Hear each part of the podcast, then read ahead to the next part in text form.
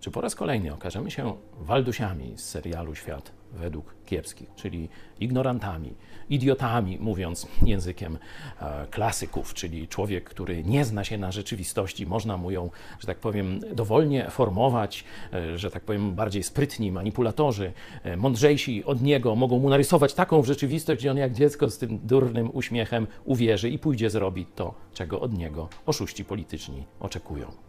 Jezus Chrystus wiedział, że mamy taką skłonność, że ludzie są łasi na kłamstewka, pochlebstwa, e, bajki i tak.